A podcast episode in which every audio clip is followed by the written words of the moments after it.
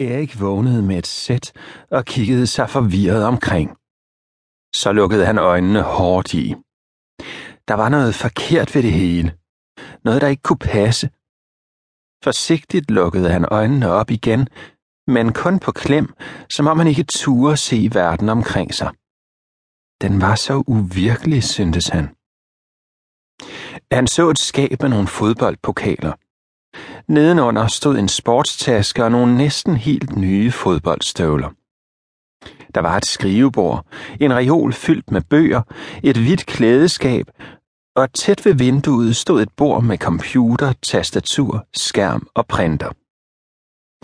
Alt det kunne han se uden at bevæge hovedet ret meget, og det hele virkede så unaturligt. Erik lukkede øjnene igen og sukkede. Der var noget helt galt. Han var pludselig ført til en fremmed verden. Men det måtte jo være sandt, hvad han så. Øjnene kunne ikke lyve. Vinduet ud til haven stod vidt åbent. Gardinerne bevægede sig i vinden, og et af dem hang udenfor. En vase i vindueskarmen var væltet, og vandet var løbet ud på gulvet og havde gjort gulvtæppet vådt. Han tog en dyb indånding og lukkede igen øjnene.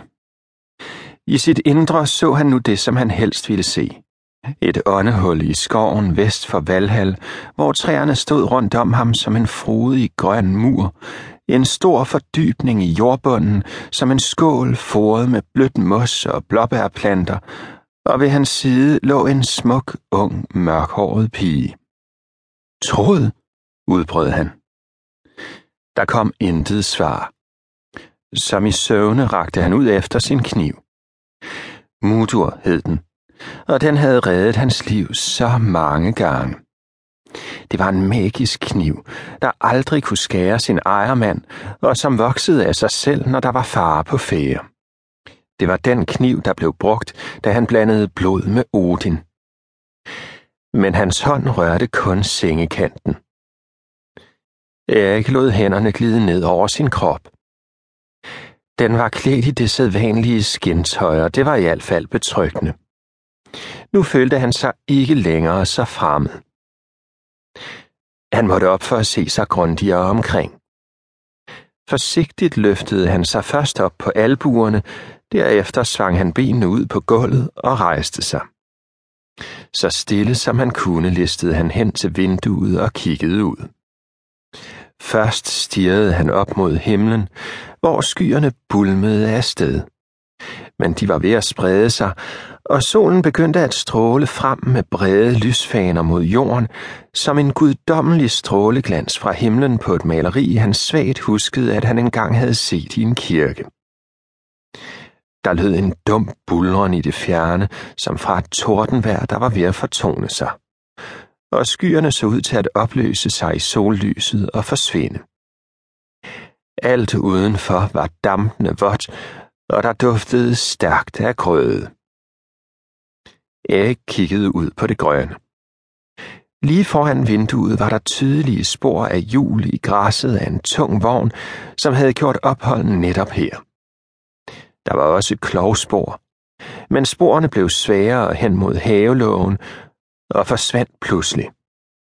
Havelågen stod stadig åben, men lukkede sig langsomt knirkende på sine hængsler. Det var dog en underlig natur, der var omkring ham, tænkte han. Der var små træer, der var omhyggeligt klippet ned til en bestemt højde, som om de ikke måtte være frie og vokse, som de havde lyst til. Langs husmuren var et bed med stauder, der stod på række og geled. Der var ikke et vissent blad på dem eller en falmet blomst. De enkelte græsstrå i græstæppet var skåret ned til dværgvækster. De var alle sammen lige lange, og ikke et af dem var længere end hans lillefinger. Også buskene i haven var trimmet næsten kuglerunde, og jorden var bar og sort i en cirkel under dem. Det så mærkeligt ud.